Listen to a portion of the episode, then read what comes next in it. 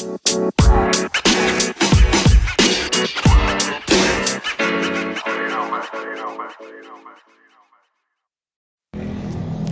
Oke, jadi ini podcast episode yang kelima. Nah kali ini tuh bakalan bahasa agak beda banget. Di sini gue bakalan ngobrol sama salah satu temen gue pas lagi kuliah. Nggak tahu deh temen apa nggak? Temen gak sih kita? Nggak tahu. Oh, ya, ya Kayak bukan. kayak kayak kenal ya. Pokoknya gue kenal lah ya kan. Gue kenal sama dia. Temenan temenan banget. Ya enggak lah. Eh temenan gak sih? Temen ya. Temen basket. Kita kan basket bareng. Itu benar. Nah itu benar. Iya jadi dia itu kerjanya itu di luar dari pas dia kuliah gitu loh. Jadi dia kuliah di jurusan A, tapi dia tuh kerjanya tuh nggak di jurusan itu bidangnya tuh nggak yang kayak di jurusan dia yang sebelumnya. Nah itu kayak obrolan menarik banget. Nah ya sekarang jadi oke ya udah langsung aja sih Syah. Eh gue udah nyebut nama. Ya udah. Perkenalan diri lo dulu. Lo tuh orang eh, nama lo siapa? Asal tempat tinggal lo dari mana? Terus kayak ya apa pun lah serah. Lo mau ngomong lo background keluarga lo gitu kayak bokap lo siapa gitu kan terserah sih. Langsung nih. iya. Eh, nama gue Arsya. Terus sekarang gue asalnya di Semarang, tapi sekarang gue tinggalnya di Jakarta. Hmm, Karena gue kerjanya di Jakarta sekarang. Oke. Gitu. Terus dulu gue eh, kuliahnya jurusan arsitektur di Undip Semarang. di Undip oke Dah. oke oke jadi oke ini sedikit gua nanya masih intro dulu ya masih background kayak lo itu itu anak keberapa sih dari dari anak keberapa dari berapa dan kenapa lo milih kayak buat kerja di Jakarta secara nih ya lo satu orang Semarang Habis itu lo juga kuliah di Semarang. Kenapa nggak lo milih Jakarta? Karena eh kenapa lo milih kenapa nggak lo nggak milih Semarang aja gitu loh? Karena dari kemarin kebetulan teman-teman yang gue ajak ngobrol itu emang rata-rata mereka orang Jakarta. Makanya mungkin agak ada wajar lah kenapa mereka pilih Jakarta gitu. Eh, pertanyaan pertama dulu ya. Gue anak pertama dari tiga bersaudara. Oh berarti tulang punggung. Tulang punggung. Tulang punggung. Oke. Terus yang kedua, kenapa gue uh, milih Jakarta sebagai uh, tempat kerja?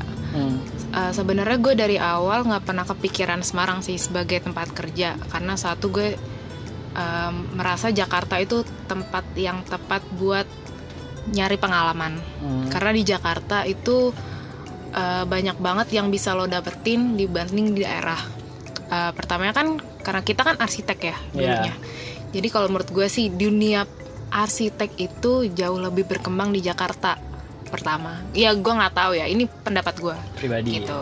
Jadi gue pertamanya ke Jakarta karena gue pengen mencari banyak pengalaman di dalam dunia arsitektur yaitu Jakarta.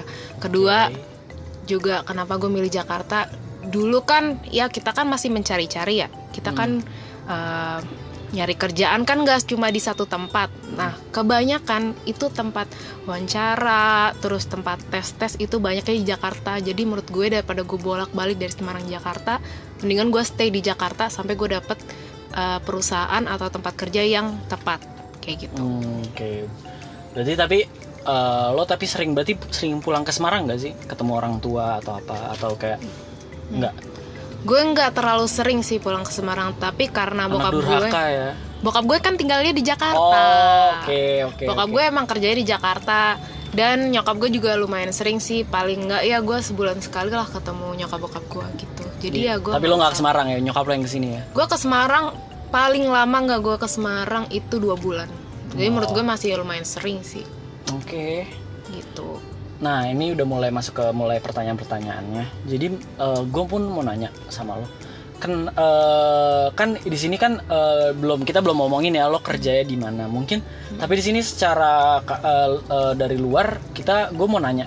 Kenapa lo milih tuh kerja di bidang yang ini tuh di luar daripada apa yang lo kuliahin ya kan lo kan di dunia arsitek gitu kan sekarang ternyata pekerjaan lo mungkin ada sedikit nyerempet ya dikit ya arsitek tapi ini menurut gue agak-agak kalau bahasanya murtad lah ya murtad Iya. murtad dikit lah ya. Nggak nggak banting banget cuman ya murtad lah hitungannya. Jadi kayak mungkin lo boleh kayak ceritain dulu kayak lo sekarang kerja di mana? Terus kayak kenapa lo alasan lo milih kerja di tempat itu? Padahal lo kuliahnya tuh arsitek gitu. Eh, sekarang gue kerjanya di dunia perbankan. Di bank itu bank tabungan negara. Terus kenapa gue mutusin untuk kerja di BTN sebenarnya nggak tahu sih kenapa. Jadi seben awalnya sih namanya takdir ya gue coba-coba aja. Jadi gue dulunya itu kerja emang di konsultan uh, di satu rumah sakit lah. Jadi gue nge uh, desain lebih banyak interior rumah sakit kayak gitu. Terus di selasa gue kerja gue merasa gue tuh lebih dari ini bisa. Hmm. jadi emang dari awal gue pengen sih kerjanya di BUMN dan kebetulan emang ada uh, lowongan itu BTN hmm. dan di situ pun tercantum. Biasanya kan kalau misalnya uh, perusahaan-perusahaan perbankan dia kan seluruh jurusan. Itu gue ingat banget BTN itu nulis diutamakan bisa kan ekonomi gitu-gitu kan. Yeah. ini ada dia diutamakan arsitek atau sipil. Jadi gue merasa kayak hmm, mungkin Kesempatan emang gue lebih besar ya? Iya maksudnya kayak tumben-tumbenan nih. Ada uh, eh, BUMN di luar arsitek ya maksudnya kayak bukan kontraktor kayak HK atau Wika hmm, gitu kan ya, itu kan emang pasti kan. Ini kayak perbankan gitu kan. Ya udah gue coba-coba aja. Hmm. dan ternyata ya emang rezekinya di situ dan keterima gitu. Dan lo ngerasa cocok gak sih di kantor ini? Apa menurut lo ah hmm. kayaknya emang mungkin kayak gue di dunia arsitek aja ternyata di, di daripada perbankan nih jujur ya gue sih merasa cocok. Karena emang dari dulu pun pengalaman gue di uh, kuliah itu uh, banyaknya sih ya kayak uh, ketemu orang. Gue gue kan dulu banyaknya di humas ya kalau misalnya di apa sih namanya? Himpunan. Di himpunan kayak gitu. Gue merasa cocok sih. Dan apa ya menurut gue gue nambah ilmu satu lah di luar dunia arsitek yang bisa gue pakai menurut gue di ke depannya yaitu di dunia perekonomian.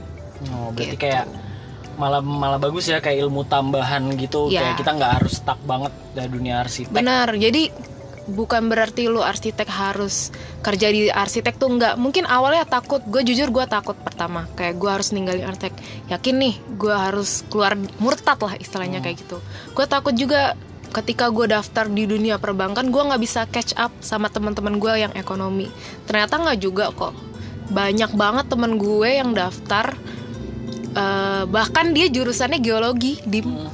dan lebih nggak nyambung lagi kan? Hmm, ya, pasti. kayak gitu loh. Dan apa ya ya sampai sekarang mereka happy happy aja. Jadi kita nggak pernah tahu kita tuh sebenarnya takdirnya di mana untuk kerja gitu.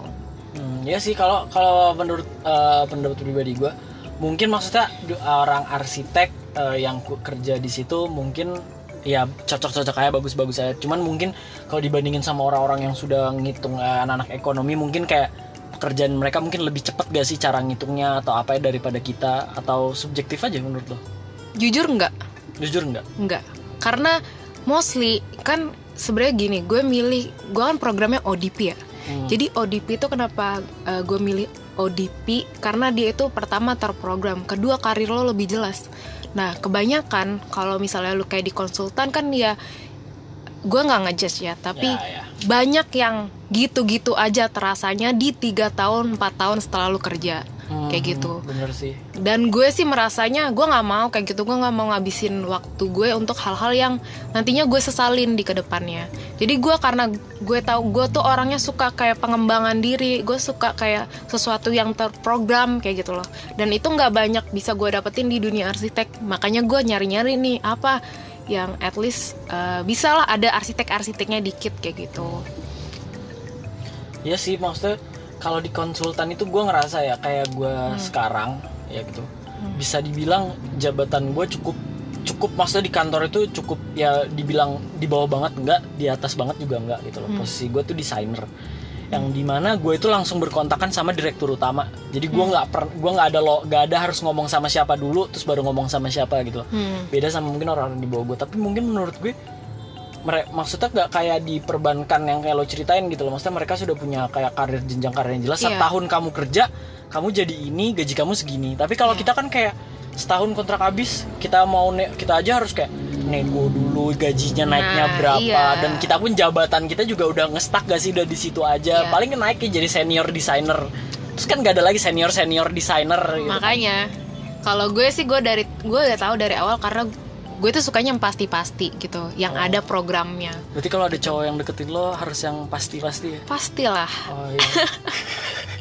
Tapi jangan takut gue kasih tahu ya kalau misalnya banyak nih yang pengen di BUMN tapi nggak sesuai bidangnya. Anak teknik itu banyak dicari. Yakinlah kalau kita jurusannya teknik itu kita nalarnya lebih jalan.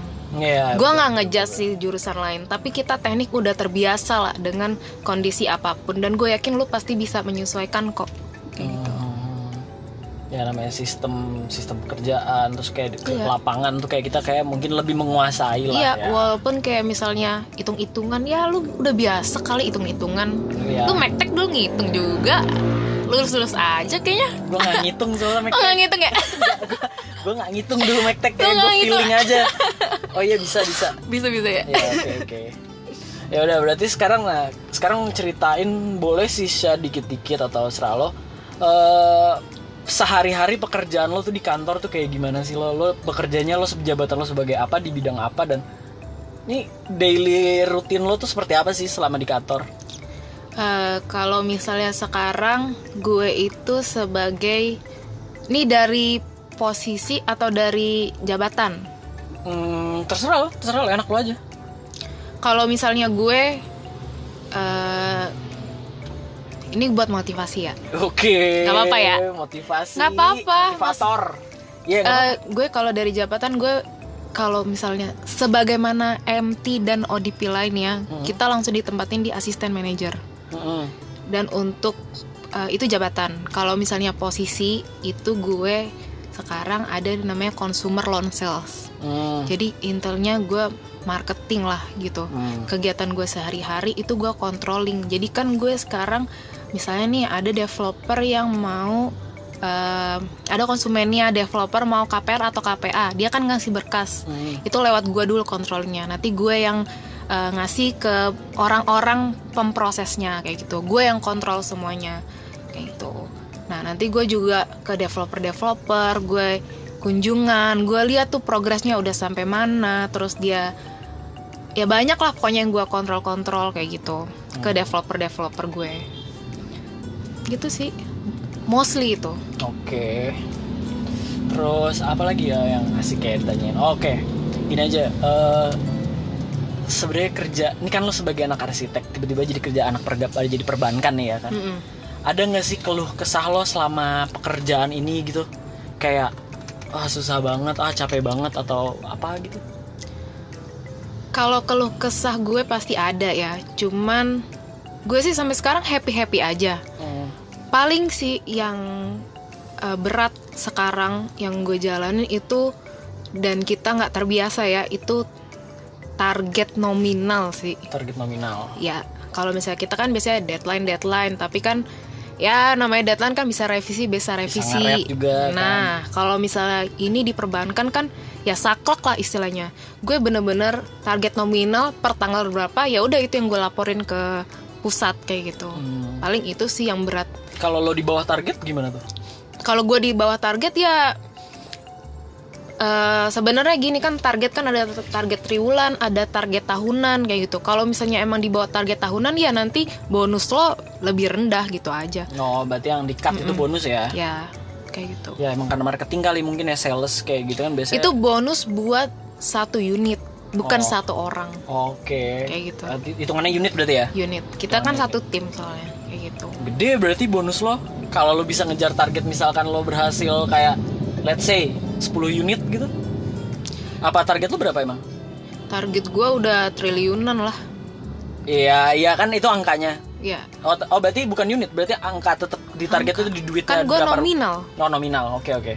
Maksudnya untuk Jakarta ya menurut gue normal kali ya angka segitu di DKI Jakarta. Iya sih kalau kita asumsiin per unit harga di angka 200 aja cukup ya 200 ya, dia berarti 5 unit kan udah satu triliun tuh ya 200 juta, 1 ya 200 M. juta ah iya dia anjing lo gue goblok banget tuh 1 M. 1 M Iya. nah ya, tapi- eh, berarti berarti banyak juga ya Banyak berarti lah. gede lah target lu Ya kan satu tahun. oh satu tahun ya Iya. ya tetap gede sih menurut gue hitungannya satu triliun Ya itu ya itu konsekuensinya. oke tapi bonus ini ya yang dipotong Hmm. Oke. Terus, nah ini tuh pertanyaan-pertanyaan yang paling biasanya tuh yang ngedengerin podcast gue tuh selalu kepo. Berapa sih pendapatan lo dalam sebulan? terserah lo mau ngomong ini angka pasti atau ya satu iPhone 10 lah atau apa atau apa gitu nggak apa-apa takutnya mungkin lo sungkan gitu lo mau nge-spill untuk berapa angka exact numbernya gitu Kalau sekarang karena gue masih eh, kan sistemnya gue tuh calon pegawai setahun. Mm. Nah kalau misalnya calon pegawai itu gue hanya dibayarkan setengahnya lah istilahnya. Sekarang sih gaji gue masih hampir lima, hampir lima hampir lima. Cuma nantinya kalau misalnya gue udah jadi pegawai, em, berarti dikali dua karena ini masih setengahnya kan yang jangan bilang kali dua lah. Eh, mungkin di angka 9 lah. Hmm, ya. 9 Kalau misalnya kali dua Itu kan 9 belum termasuk lu. Bonus-bonus. Tunjangan. Oh, Kayak iya. gitu. Tapi yang pasti lu dapetin per bulannya di segitu. Oh, berarti gede bang. Ya gede menurut gue cukup besar sih. Gede tapi workloadnya juga. Ya menurut gue emang zaman sekarang ya banyak banget orang yang lu gaji kecil. Tapi ya sebenarnya nggak menurut gue ya agak-agak sedikitnya menurut gue agak gue cukup sedih. Ya bukan sedih juga sih. Mm-mm. Eh, menurut gue juga tapi menurut gue workload su- subjektif ya setiap orang work- Hmm. ngerasa workload itu mana yang berat mana yang enggak Mm-mm. tapi gue ngerasa kayak teman-teman gue yang kerja kerja di dunia arsitek yang studio ya atau apalagi yang Iya. studio kayak mereka keluhannya kayak tinggi banget gitu loh tentang workload tapi gaji mereka ya Nah. so so so small lah maksud gue nggak so so banget juga bahkan dan lo dapet gaji segitu maksud gue gue mikir itu gede workload tuh juga tanggung jawab lo tapi juga besar ya tapi. Benar. Apalagi maksud gue Dengan Mungkin gaji gue dibilang gede Karena ya gue bilang tadi Gue ikut program kayak gitu. Oh di Den- ya kan Ah, ah, dengan di- lu ikut program juga kerjaan lo tuh bukan hanya yang ditugasin ke lu. Pasti bos lu juga nyuruh lu hal A B C D E yang sebenarnya bukan tugas lu. Tapi karena posisi lu sebagai calon pegawai dan lu itu ada program lu dituntut untuk bisa semuanya Oh Gitu. iya sih bener-bener. Gitu Oke, sih. terus abis itu lo tuh kerja dari jam berapa sampai jam berapa office hournya? Terus abis itu tapi lo biasanya tuh lihat teman-teman lo atau lo pribadi tuh baru pulang itu jam berapa? gue biasanya masuk kan setengah delapan Setengah delapan, harusnya gue pulang setengah lima setengah lima. Heeh. Cuman gue eh, kalau misalnya awal bulan gue bisa sih pulang cepet jam 7 gue udah pulang gitu. Tapi Oh, kalau cep- jam 7 aja itu nggak- itu cepet ya? itu cepat. Oke. Itu cepat gue jam 7 itu awal bulan. Kalau misalnya gue di akhir bulan, gue pernah pulang termalam gue sampai jam 2 pagi Itu ngapain aja itu sampai jam 2 pagi? kerja. Ngel- ngel- ngerj- ngelarin pekerjaan lo ya? Gue kalau jam 2 pagi tuh rapat sih. Gue ada rapat ya sampai malam kayak gitu. Kalau misalnya kerja full kerja ya tanpa ada rapat, gue itu paling ya di jam 11-an lah.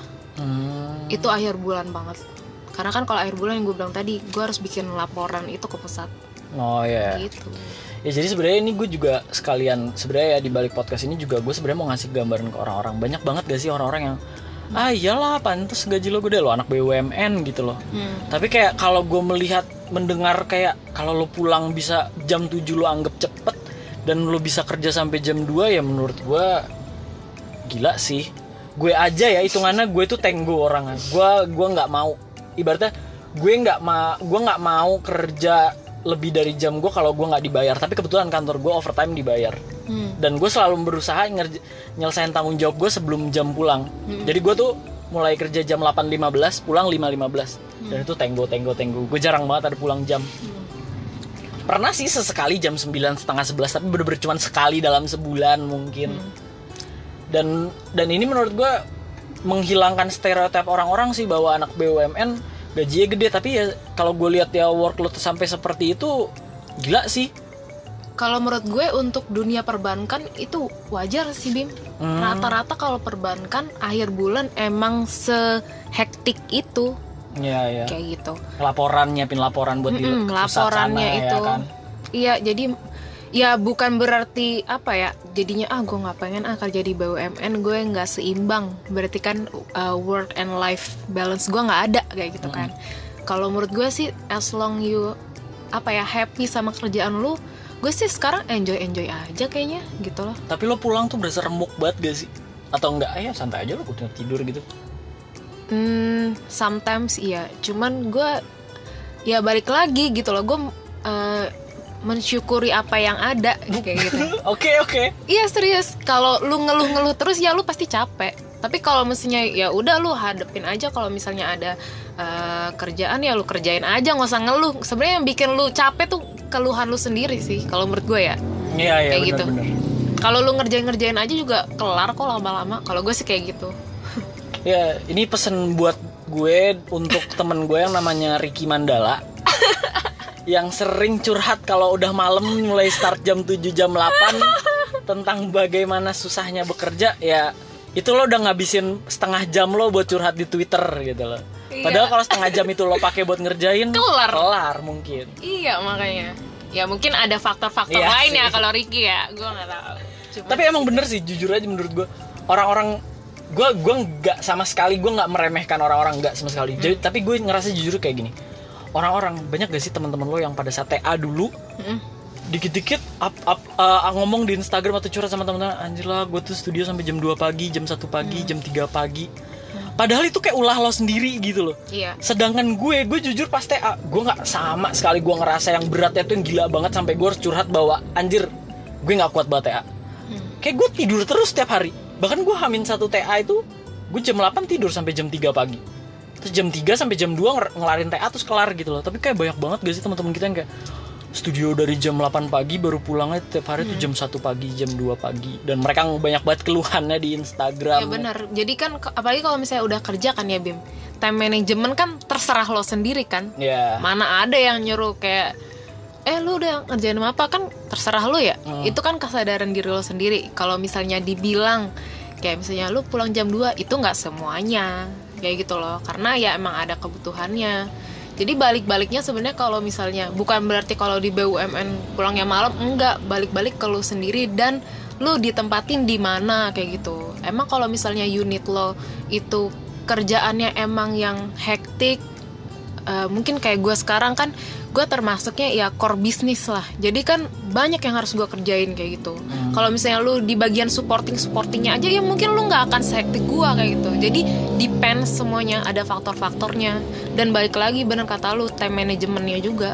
Apalagi kita udah kerja kan sekarang. Iya iya sih bener-bener. Oke ini udah mulai udah bagian akhir.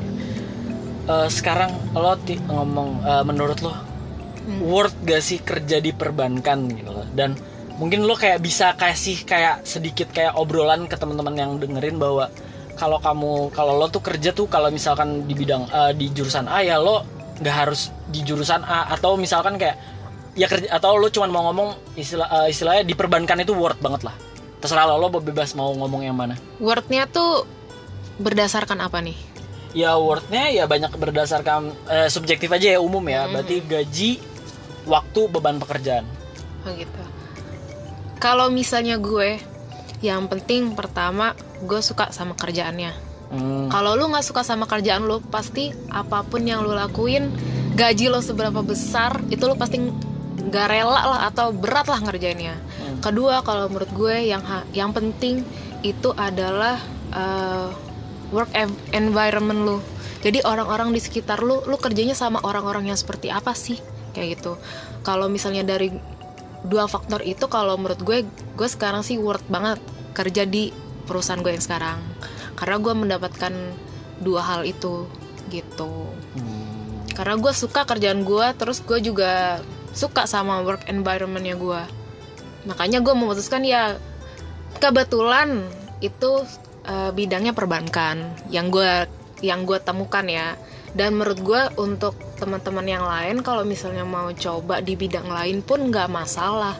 Tapi ya eh, balik lagi gitu loh. Ya gue juga dulu takut sih mau yakin ya gue bakalan ninggalin dunia arsitek nih kan? Iya. ya maksudnya basic yang kita punya kan arsitek ya. Iya. kita kan hidupnya dari basic-basic arsitek itu kayak gitu. Kita kan di ekonomi tahu apa sih lu di perbankan ya nggak? Iya nggak ngerti apa pun sama sekali ya. Makanya kalau gue sih gue niatin gue apa pun resikonya nanti yang gue hadepin berarti kan gue harus belajar lebih banyak eh, lebih sering lebih banyak daripada orang-orang ekonomi lainnya.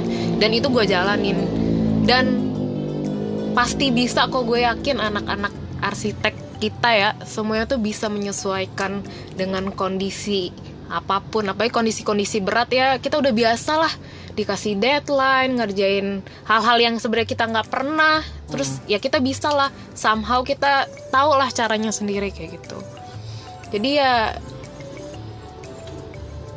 bukan berarti kalau menurut gue ya lu nggak harus menutup pikiran lu ketika lu jadi lu punya basic arsitek lu harus kerja di arsitek tuh enggak karena banyak lu bisa nemuin setel di luar lu udah kuliah lu bisa nemuin ternyata lu dalam diri lu punya potensi-potensi A B dan C lainnya gitu Jadi jangan terlalu banyak imajinasi ya, dicoba dulu aja ya. Lu Dicoba belum dulu tahu aja. Kan, apa rezeki lo atau jangan lo juga seneng kan kayak lo sekarang ternyata lo di dunia perbankan menyenangkan buat lo ya. Iya, dan ya sebenarnya ada konsekuensinya sih. Cuman ya karena gue seneng, balik lagi, gue seneng ya gue jalan-jalanin aja. Mungkin kata orang, kok lu pulangnya malam banget sih? Tapi gue seneng.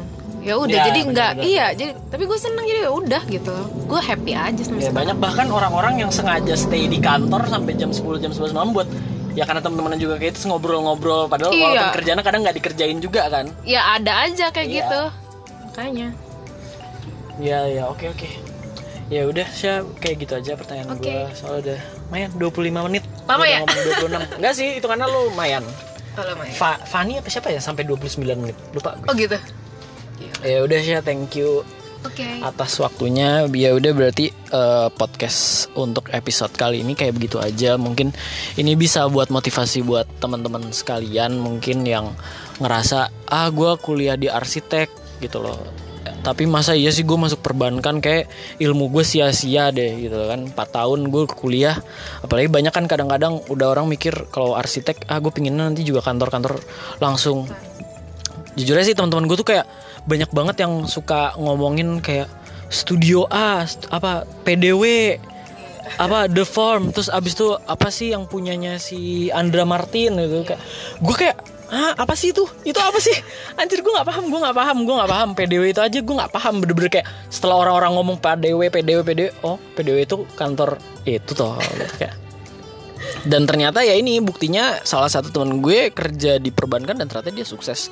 Dan kesimpulannya menurut gue lo lihat aja sih dari angka gaji gitu loh. Terserah perspektif aja. Mungkin kalau emang lo ngerasa gaji lo di sana misalkan di konsultan itu 5 juta atau empat setengah tapi lo happy ya why not gitu loh. Tapi kalau ngomongin buat masa depan menurut gue agak-agak nggak tahu deh bisa bisa atau enggak gitu loh menurut. Tapi ya hidup di Jakarta apalagi kan mahal ya biaya-biayanya ya udah berarti gitu aja. Mungkin nanti di podcast di podcast podcast episode selanjutnya bakalan gue coba ngobrol sama teman-teman gue yang lain yang mungkin bisa memotivasi kalian dalam dunia pekerjaan. Ya udah berarti gitu aja. Thank you ya Syah Yuk.